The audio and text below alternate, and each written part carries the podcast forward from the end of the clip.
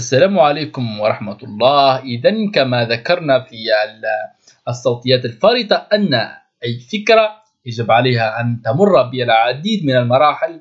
آه، كما قلنا آه، أولا هي معرفة مدى قوة الفكرة. أيضا هل أن هذه الفكرة موجودة في السوق أم لا؟ وماذا علينا أن نفعل إذا كانت موجودة؟ إضافة إلى هذا تحدثنا عن كيفية جلب المستثمرين أو آه، وهي وهي كما قلنا أنها تمثل من النقاط الهامة التي التي يجب على يجب على كل صاحب شركة ناشئة أن يركز عليها أو صاحب فكرة يريد أن ينشئ شركة ناشئة أن يركز عليها. إضافة إلى هذا الآن سنتحدث عن مرحلة هامة وهامة جدا والتي أنا أراها من أهم المراحل لتكوين شركة قوية وشركة ناشئة ذات سمعة كبيرة جدا وهي يجب أن تكون إدارة المشروع قوية. ركز معي يجب أن تكون إدارة المشروع قوية فقوة الإدارة تنعكس مباشرة على الشركة. إذا كانت إدارتك قوية فاعلم أن الشركة ستكون شركة شركة شرسة جدا في المنافسة وتكون صاحبة قرار في السوق.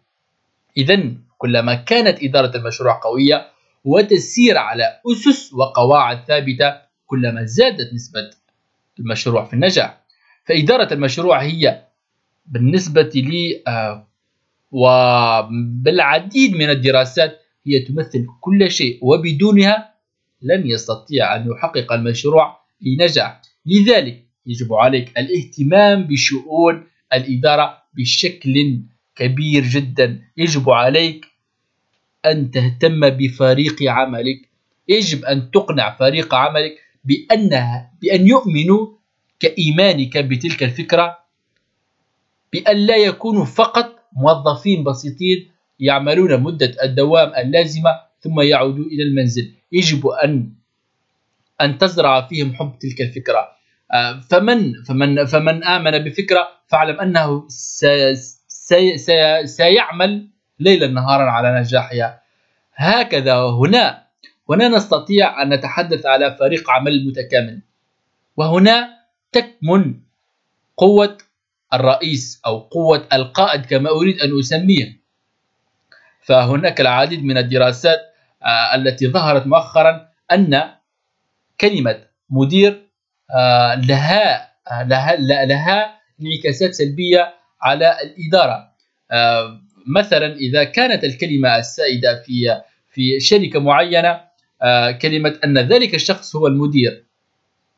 آه، فسيكون لا إراديا هناك ذلك الشعور السلبي والشعور عدم الارتياح عند مقابلة ذلك الشخص. ولكن إذا كان أو كانت الكلمة السائدة في تلك الشركة كلمة القائد أو أو أو رئيس رئيس الشركة آه، فستجد مردودية كبيرة وقابلية كبيرة بين بين بين أعضاء الفريق للتطوير ولإعطاء وإبداء آرائهم في كل ما يستطيع وكل ما يكمن آه، في تطوير الشركة وتطوير منتجات الشركة. وهناك العديد والعديد من الشباب آه، الذي لم يكتسب لم لانها لأن الإدارة هي هي من المكتسبات. وهذا من أمر الجيد أنك تستطيع أن تكتسب مهارة الإدارة. يعني لا, لا, لا تحتاج إلى موهبة كبيرة إلى آخره فهي من الأشياء التي تكتسب مع الوقت. آه، إذا كنت لا تملك أو لا تستطيع تسيير إدارة بشكل بشكل جيد فعليك التعاقد مع مدير يساعدك في إدارة آه، المشروع الخاص بك. لكي تستطيع آه، تحقيق النجاح. أعلم أنك أنك ستقول لي أنه في الأول لا أستطيع لا أستطيع تحمل تكلفة أن أجلب مدير صاحب خبرة وعلي مصاريف كثيرة وإلى آخره. ولكن أريد منك أن تعلم شيء أنه تلك المصاريف التي التي ستصرفها على ذلك المدير أو في ذلك العقد الذي ستعقده مع المدير والتي والذي لا أحبذ هذه الكلمة فأنا أحبذ كلمة آه، أن تكون قائد. ولكن لنقول كلمة كلمة المدير لأنها أكثر علمية. إذا كما قلنا تلك المصاريف التي ستخسرها أو التي لا نقول تخسرها ولكن ستصرفها على المدير وعلى جلب مدير ذا سمعة. وذا خبرة كبيرة. فاعلم أنك ستقوم بإرجاعها في وقت قليل. في وقت قصير جدا ستقوم بإرجاعها. لهذا أنا أنصحك بألا بألا تخسر كل المجهودات التي بذلتها لأن لأن إذا وصلت مرحلة البحث عن الإدارة فأنت في خضم المراحل الأولى لإنشاء الشركة على وجه الواقع.